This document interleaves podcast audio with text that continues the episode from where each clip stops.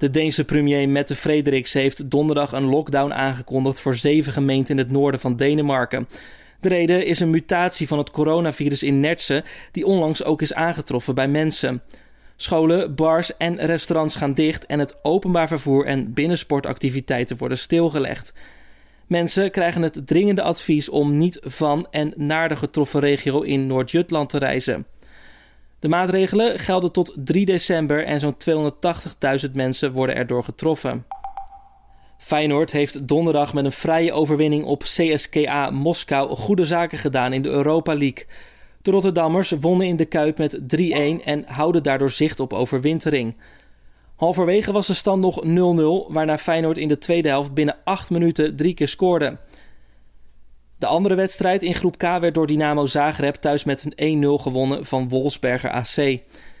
Dynamo is door de zegen koploper in groep K met 5 punten. Wolfsberger en Feyenoord volgen met 4 punten, maar het doelsaldo van de Oostenrijkers is beter. Over drie weken staat de volgende speelronde op het programma. Alle vormen van onvrijwillige seks moeten worden bestraft als verkrachting. Dat staat in een aangepast wetsvoorstel van minister Vert Grapperhaus van Justitie en Veiligheid. Grapperhaus gaat daarmee verder dan in een eerder wetsvoorstel. Daarin wilde de minister de drempel verlagen om onvrijwillige seks, waarbij niet duidelijk sprake is van dwang of geweld, toch te kunnen bestraffen. Maar op dat voorstel kwam veel kritiek uit de Tweede Kamer en van mensenrechtenorganisatie Amnesty International. Op dit moment moet nog sprake zijn van geweld of dwang om iemand te kunnen veroordelen voor verkrachting. Grapperhaus werkt al lang aan het wetsvoorstel en de aanleiding hiervoor was onder meer de MeToo-beweging. De Amerikaanse president Donald Trump houdt vol dat de verkiezingswinst van hem wordt gestolen.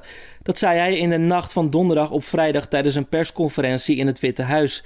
Het was voor het eerst sinds woensdag dat hij weer in het openbaar verscheen. Trump vertelde in een lange monoloog dat het Amerikaanse kiesproces corrupt is en dat iedereen die stemt daardoor wordt gecorrumpeerd.